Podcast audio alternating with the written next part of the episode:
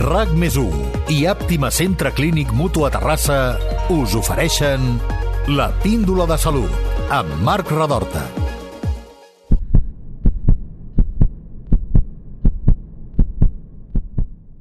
El ferro té un paper crític a la sang. És un component essencial de les proteïnes que ajuden a transportar i emmagatzemar l'oxigen en el cos. Si ens falta ferro, ens inunda una sensació de cansament i de debilitat. És el que es coneix com anèmia. L'anèmia la coneixen bé moltes dones que tenen regles abundants o cicles menstruals molt curts. Hi ha dos col·lectius més que també acostumen a patir aquesta malaltia, la gent gran i els infants. De fet, i segons un estudi publicat l'any 2019, un 12,4% de la població espanyola pateix anèmia. I si ens fixem concretament en el col·lectiu infantil, la xifra encara puja més. Segons el Departament de Salut, el 15% dels nens i el 13% de les nenes catalanes d'entre 6 i 12 anys pateixen anèmia. Avui ens preguntarem per què als nostres fills i filles els falta tant de ferro a la sang. Aprendrem a detectar els símptomes que ens han de posar en alerta i descobrirem què podem fer per revertir aquesta situació. Ens ho explicarà la doctora Marta García Bernal, pediatra hematòloga d'Àptima Centre Clínic. I també coneixerem un dels casos recents que ha portat, el de la Naret. La Naret és una nena que en poc més de dos anys va començar a presentar símptomes clars d'anèmia i que afortunadament ara està plenament recuperada. Ens ho explicarà la seva mare, l'Estela. Si voleu tenir, doncs, una salut de ferro, no hauríeu de deixar passar de llarg aquesta píndola. Comencem. I've been spending for time Couple women by my side. I got sinning on my mind. Sipping on red wine. Doctora Marta García Bernal, benvinguda a la Píndola Salut. Hola, moltes gràcies per convidar-me. Um, comencem pel començament. Què és l'anèmia? Doncs l'anèmia um, és quan tenim unes xifres d'hemoglobina, i l'hemoglobina és la proteïna que transporta l'oxigen per la sang. Uh -huh. Jo els explico a vegades als meus pacients que és com una mena de cotxe que porta l'oxigen per la sang i hi ha uns valors de referència, que són aquells típics que veiem al costat a l'analítica, no? doncs considerem anèmia quan estàs per sota del valor més petit, uh mhm. -huh. el valor inferior. I què suposa tenir anèmia?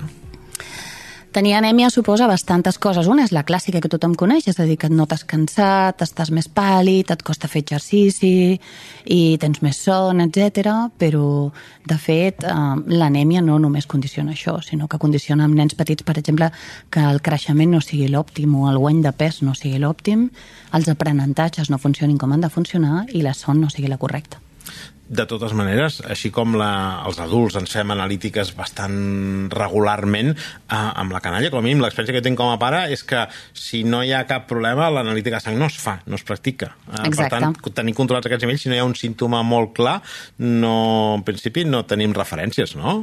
De fet, no se n'haurien de fer d'analítiques a la infància. Hi ha pares que a vegades venen a la consulta als 13 o 14 anys i et mm. diuen és que vinc a fer-li una analítica perquè mai n'hi hem fet cap. Doncs si mai n'hi has fet cap és perquè tens un fill o filla que fa un esport 3 dies a la setmana, um, dorm bé, menja bé, té un rendiment acadèmic correcte i no hi té cap problema de salut. Mm -hmm. Moltes vegades l'anèmia es detecta de forma incidental en una analítica que fem per un altre motiu. Val. Per exemple, per exemple, per un preoperatori mm -hmm. o que la fem perquè el nen té febre i un dia anem a urgències per altres causes, no per un símptoma clar d'anèmia. Uh -huh. Però, per tant, si té uns nivells baixos de ferro, eh, es notaran d'una manera o altra, no? D'una manera visible. Eh... L'anèmia, comencem per dir que hi ha molts tipus d'anèmia, sí? però l'anèmia més freqüent és la que tu has esmentat i la que has explicat al principi, que és l'anèmia ferropènica. Per tant, avui, diguéssim, parlaríem en concret de l'anèmia ferropènica. L'anèmia ferropènica té com tres fases. En la primera, només et falta ferro, els dipòsits de ferro, però encara el teu organisme funciona bé. És com si no tinguessis prou dipòsits al magatzem, mm. però els cotxes encara estan plens de ferro sí? I d'oxigen. I en la següent fase, si tu no has detectat això, és quan apareixerà l'anèmia que dona símptomes. Uh -huh. Però el dèficit de ferro només, sense anèmia, no dona cap mena de símptomes. Val. I les altres anèmies que no són ferropèniques, només per rebre una pinzellada, eh, per saber una mica també, eh, quan et diuen anèmia, sabem que pot ser Clar. una falta de ferro, o què altra cosa pot ser? Podem tenir un altre tipus d'anèmia carencial, que en diem, uh -huh. no? Mhm. que tot i que la més freqüent és la de ferro, també tenim la, el dèficit d'àcid fòlic o el dèficit de vitamina B12, i després tenim moltes anèmies que són eh, hereditàries, per exemple. No? El Mediterrani és molt típic, i després en, en parlarem una miqueta més eh, arrel del cas que comentarem després de la talasèmia, que és un defecte congènit que ens transmeten els nostres pares i, i sovint els nostres avis també, en el qual hi ha una part de l'hemoglobina que no es fabrica correctament i, per tant, la hemoglobina és una miqueta més baixa, els glòbuls vermells són una mica més petits, però és una cosa de naixement que uh -huh. tenim des de sempre. Uh -huh. I és una de les causes més freqüents d'anèmia en el nostre mitjà. I l'anèmia, si no la tractéssim, què podria arribar a passar? És a dir, fins, fins on pot arribar aquesta malaltia? Doncs Mira, en el cas de l'anèmia ferropènica, el ferro està implicat en moltes coses. De fet, mm. el dèficit de ferro és una malaltia sistèmica, que en diem. És a dir, és una malaltia que pot afectar pràcticament a qualsevol òrgan. I pot afectar a la formació de les connexions neuronals, és a dir, pot realment interferir en l'aprenentatge i s'ha implicat en el trastorn per dèficit d'atenció, pot fer que tinguis insomni, que tinguis un síndrome, el que nosaltres en diem de les cames inquietes, uh -huh. aquesta gent que dona molts cops a la nit, no? moltes patades, per exemple. Um, ens pot donar també dificultats en el creixement, com et deia, tant de talla com de pes, i, i, i després el cansament aquest tan marcat que fa que deixis de fer moltes de les activitats. Per tant, l'anèmia no et diria que és una causa de malaltia greu i irreversible, però, però et canvia molt la vida, et condiciona mm. molt la forma de vida. Deies ara que és una de les malalties més corrents, més comunes. De fet, només a Espanya es calcula que afecta més de 2 milions de persones. Per què li falta ferro a tanta gent? Jo puc parlar una miqueta del període pediàtric, que és el sí, meu, sí. sí? Aleshores, en el període pediàtric tenim dos grans moments. Un és l'època de lactant, entre els sis mesos que deixem de prendre només llet materna o només biberons, la llet materna és prou rica en ferro i els biberons, la llet de fórmula, està suplementada en ferro. Però a partir dels sis mesos això és insuficient pel nostre creixement. I necessitem carn, peix, verdures, llegums, altres aliments. Però sovint aquesta introducció és massa lenta i fa que el nostre cos necessiti més ferro del que li estem aportant. Uh -huh la immensa majoria de l'aport del ferro que tenim és per l'alimentació, perquè, de fet, la resta ve del reciclatge propi de, de dins dels nostres glòbuls vermells. No? Cada vegada que un glòbul vermell es mor, nosaltres recuperem aquell ferro, el guardem i el fem servir per fabricar nous glòbuls vermells perdem cada dia una miqueta de ferro per descamació i la resta l'incorporem a través dels aliments. Aleshores, en l'època de lactant, com et deia, és perquè l'aport no és correcte en, a la dieta i l'altre gran moment de pediatria on hi ha anèmia és l'adolescència en les noies, en el que les regles fan que hi hagi una pèrdua més important de ferro cada dia i per tant hem d'incrementar-lo en la dieta i sovint suplementar amb ferro, uh -huh. perquè si no, a poc a poc les nostres reserves s'acaben i acabem amb anèmia. I això que en teoria estem en l'entorn mediterrani on tenim la dieta més estupenda del món mundial, no? O sigui, tots els doctors i doctores que passeu pel podcast ens deu que ens recomaneu la dieta mediterrània i malgrat tot tenim unes dades importants mm. d'anèmia sí. uh, més grans que altres països que no tenen aquesta dieta mediterrània. Estic pensant, no sé, en països del nord d'Europa, per exemple. Clar, és, és molt interessant aquest comentari perquè de fer la dieta mediterrània sobre el paper és fantàstica, però ens hauríem de, hauríem de ser una mica sincers i preguntar-nos quants de nosaltres complim, de fer, no? a més, complim la dieta mediterrània. A més a més de tenir-la l'hauríem de fer. Si te la mires, en la dieta mediterrània els llegums s'han de prendre dos o tres cops a la setmana i el peix blau i la closca, per exemple, també un parell de cops a la setmana i, i molts aliments que són rics en ferro, les verdures de fulla verda, per exemple, també, o la fruita seca. Ara, abans, abans de... Això és un secret, eh? però abans de començar el podcast, que estàvem comentant una mica tot això, és que la sípia, per exemple, que té molt de ferro. Sí. Que, és a dir, tu quan ven ferro penses llegums, espinacs, carn vermella, però, per exemple, tota la part aquesta de la marisqueria que ens has comentat, tota sí. la part dels mol·luscs, eh, no la teníem Clar. tan clara. I la part de la sípia, jo és la primera vegada que sento a dir sí que la sípia, que a més a més és una cosa que acostuma a agradar als nens, la part del calamar, la sípia, aquestes coses, sí. diguem, és com peix més fàcil. El peix que no és peix, sí, el peix que no és peix. I, i té, té bones, um, nutricionalment té, té Clar, el té peix que normalment no? donem als nostres fills, sobretot quan són petits, és el peix blanc, sí. és a dir, donem lluç, i donem sí. llenguado i rap, que són precisament, i com a peix blau donem salmó, que sí. són precisament peixos no massa rics en ferro. Val. La closca costa, ens sí. costa, i en algunes cultures costa més perquè no tenen massa costum tampoc, no? Penso no, ara en sí, no població àrab, per exemple. No, bueno, el musclo, per exemple, el musclo, sí el musclo sí, està molt bé i és sí. molt econòmic. Mm -hmm. I les sardines són un aliment sí, sí. supereconòmic, però ens costa cuinar-lo pels nens perquè té espines. És a dir, reconec que no és fàcil, perquè la dieta mediterrània ens diu no prenguis carn vermella mm -hmm. més d'un cop o dos a la setmana, eh, la closca no tenim el costum de fer-la per nens, si la fem amb llauna té un excés de sal que hem de corregir, però també hi ha grans desconeguts, com per exemple la carn de conill. És a dir, la carn de conill ens costa i als nens els hi costa mm, perquè no estan massa acostumats, però hi ha formes de menjar-ho, com per exemple en hamburguesa, que són molt fàcils, que ells no noten pas la diferència entre una hamburguesa de pollastre i una de conill, i és molt més ric en ferro del que ho seria. De fet, jo treballo, per sort, amb un equip de nutrició molt bo i i en, hem fet unes taules d'aliments rics en ferro, que Mm. incorporen els mil·lígrams de ferro per cada 100 grams d'aliment cuinat, i això em serveix moltes vegades per, per treballar amb els pares amb els que la dieta no és la òptima Mm-hmm. i donar-los pistes, perquè, clar, al final, si no som nutricionistes, necessitem ajuda. Sí, sí. Eh, molt bé, deixeu-me doncs que coneguem en aquest punt el cas de- d'una nena que ara té 3 anys i que fa uns mesos va haver de passar per la consulta de la doctora García Bernal. Parlem amb l'Estela, que és la mare de la Naret. Hola, Estela! Hola, hola, bon dia. Com estàs? Gràcies. Eh, es, escolta'm, explica'ns una mica el cas de la Naret. Um, què, què, què veu notar abans de portar-la a la doctora? Doncs mira, nosaltres vam notar que la Naret mm, no era ella mateixa, no? No estava al 100%, no dormia bé a les nits, eh, es movia constantment, les cames... Eh, bueno, ho van deixar passar així una miqueta, perquè també érem pares pues, novatos, no?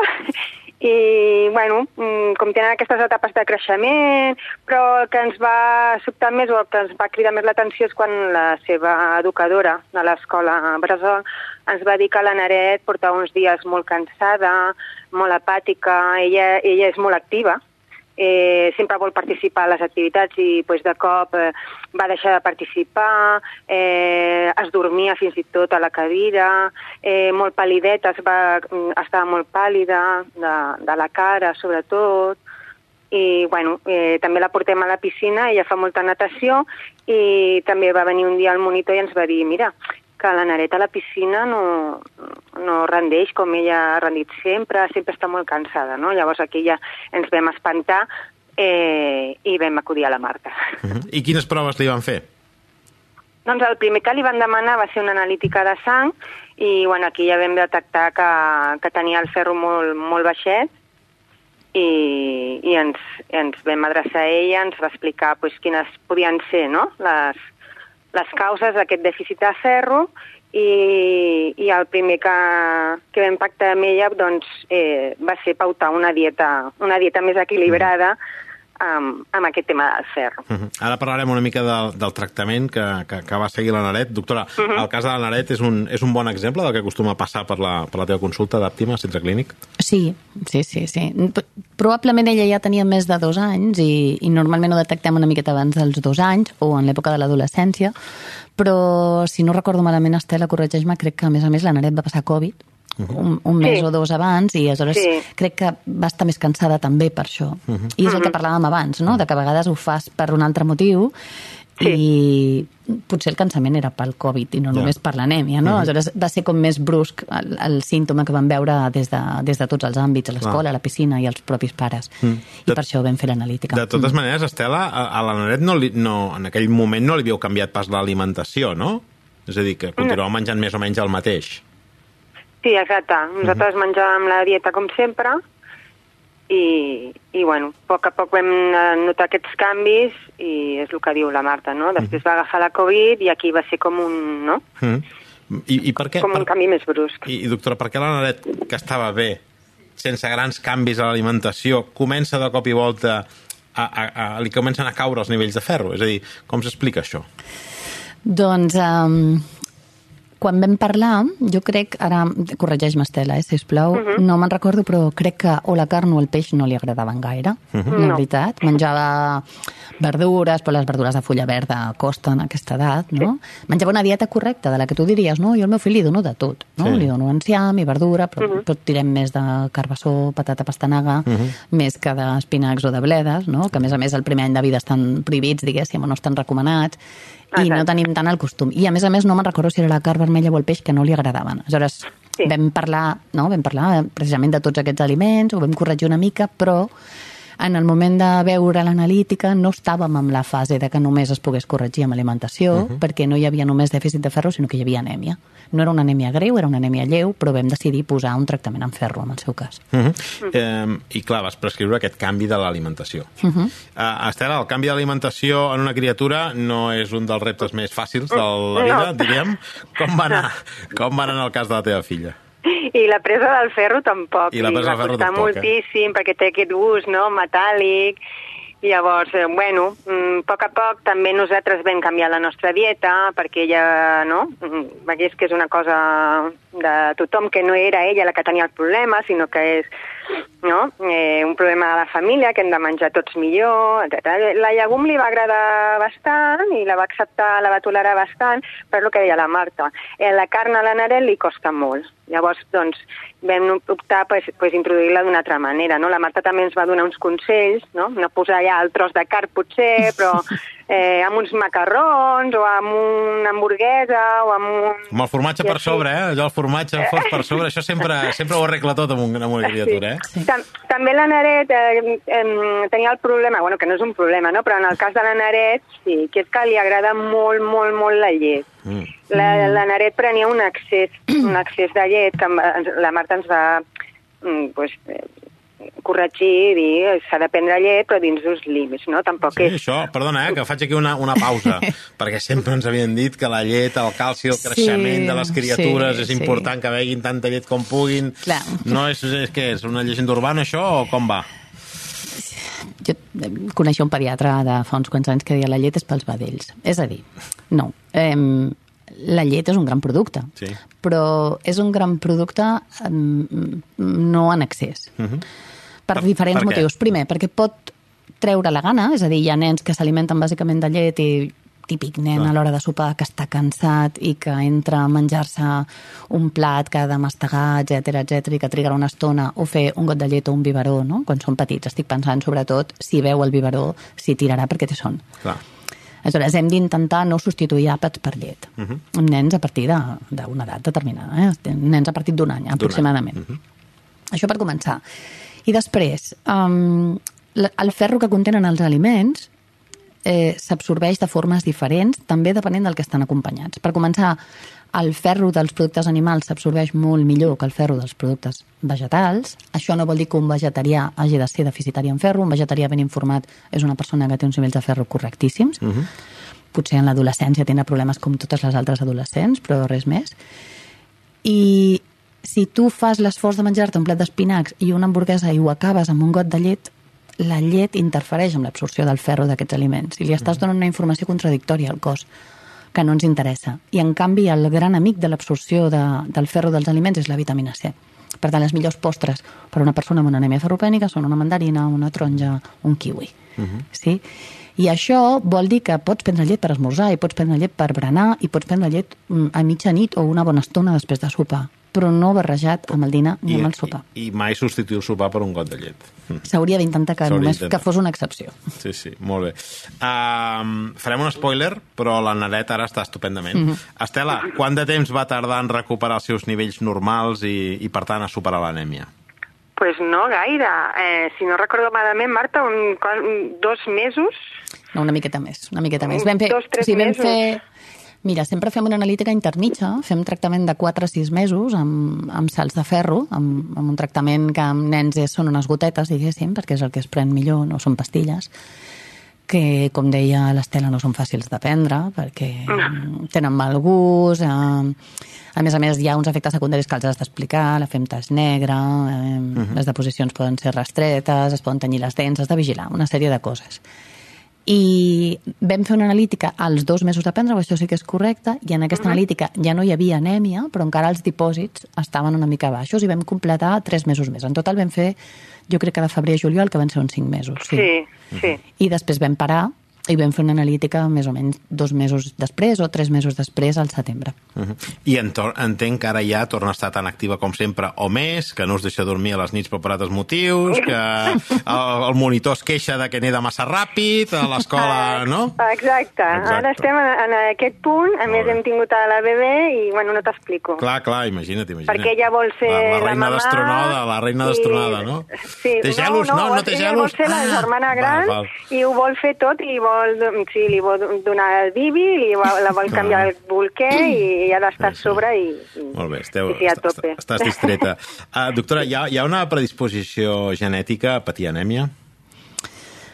Predisposició genètica a patir anèmia ferropènica, en general, no, no. No hauria de ser. Hi ha algunes malalties molt rares que predisposen a tenir anèmia ferropènica. Uh, el que sí que és cert és que en el cas de la Naret, un cop vam corregir l'anèmia i els dipòsits de ferro, em cridava l'atenció l'analítica que seguia tenint uns glòbuls vermells molt petits de mida, no? que això és molt típic que passi amb, amb el dèficit de ferro, però un cop corregit i que ja no tenia ni anèmia ni dèficit de ferro, vaig pensar que a sota hi pogués anar a haver una altra entitat mm, que es diu talasèmia, i li vaig fer les proves de talasèmia i va sortir que sí, que era portadora d'una alfa-talasèmia, que és una cosa que té des del naixement, que vam fer les proves amb els seus pares i és la seva mare la que li ha transmès, uh -huh.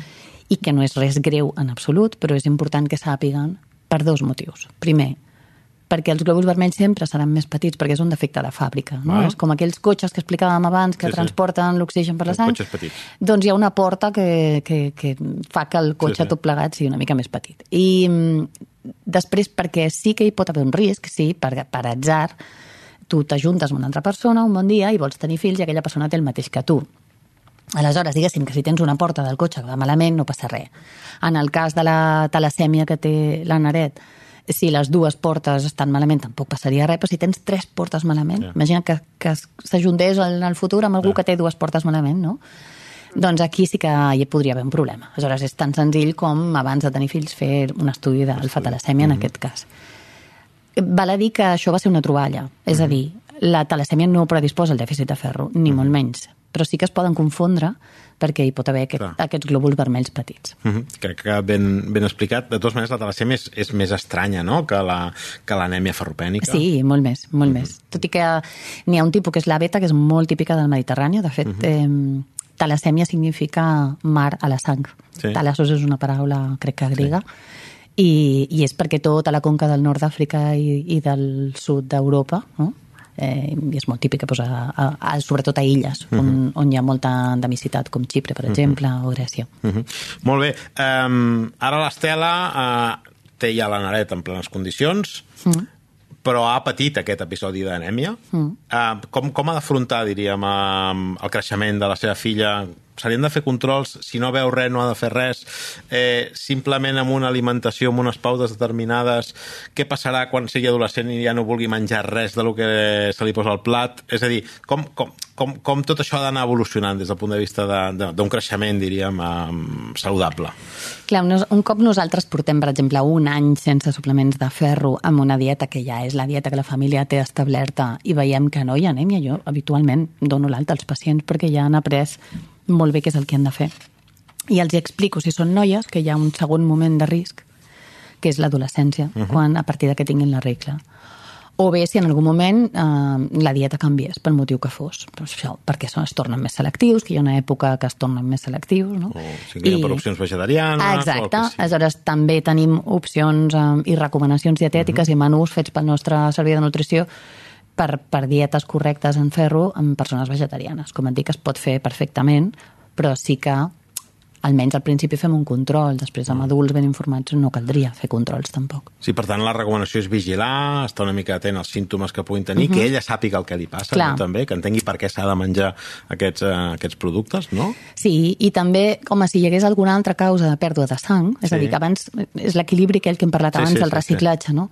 Eh, per exemple, se m'acudeix doncs, un nen que tingui un restrenyiment, faci una fissura i perdi una mica de sang a nivell digestiu. Mm. O, o un nen que pel motiu que sigui, que és molt típic ara de l'estiu també i de la primavera, li sagni molt el nas. Aleshores, un nen que li sagna molt el nas està perdent sang. I aquest nen potser sí, ens Suficient de com, per, plantejar... sí, suficient com per provocar en algun una cas sí, anèmia? en algun cas sí. Mm -hmm. Mhm, Déu-n'hi-do. Doncs no sé, no sé si hi ha alguna cosa més que creguis que, que pugui ser d'interès per comentar. Més o menys ho hem repassat bastant tot, no? El Que Jo és crec la- que sí, L'anèmia sí. pediàtrica. Doncs moltes gràcies a les dues. A, a tu, Estela, sobretot per compartir amb nosaltres el testimoni de la Naret i, i a tu també, doctora Marta Garcia, pediatra hematòloga d'Aptima Centre Clínic Mutu Terrassa, per ajudar-nos a entendre eh, millor com funciona l'anèmia i sobretot també com, com prevenir- com prevenir-la i combatre-la. Moltes gràcies a les dues. Gràcies a vosaltres. Propera. Adéu.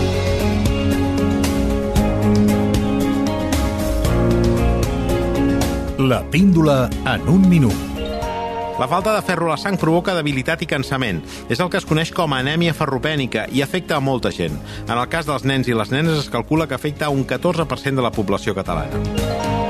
L'anèmia infantil es pot produir en qualsevol edat, però hi ha dos moments especialment crítics. Quan els nadons deixen la lactància materna i quan les noies comencen a tenir la regla. Una bona dieta rica en ferro és imprescindible per prevenir l'anèmia infantil. A banda dels aliments més coneguts, com les llegums, la carn vermella o la verdura de fulla verda, hi ha altres productes que també aporten alts valors de ferro. La sípia, els mol·luscs o la carn de conill en són bons exemples. Quan l'anèmia ja està establerta, els pediatres també prescriuen suplements de ferro. Són medicaments que s'han d'administrar només sota prescripció mèdica perquè poden provocar alguns efectes secundaris que convé conèixer.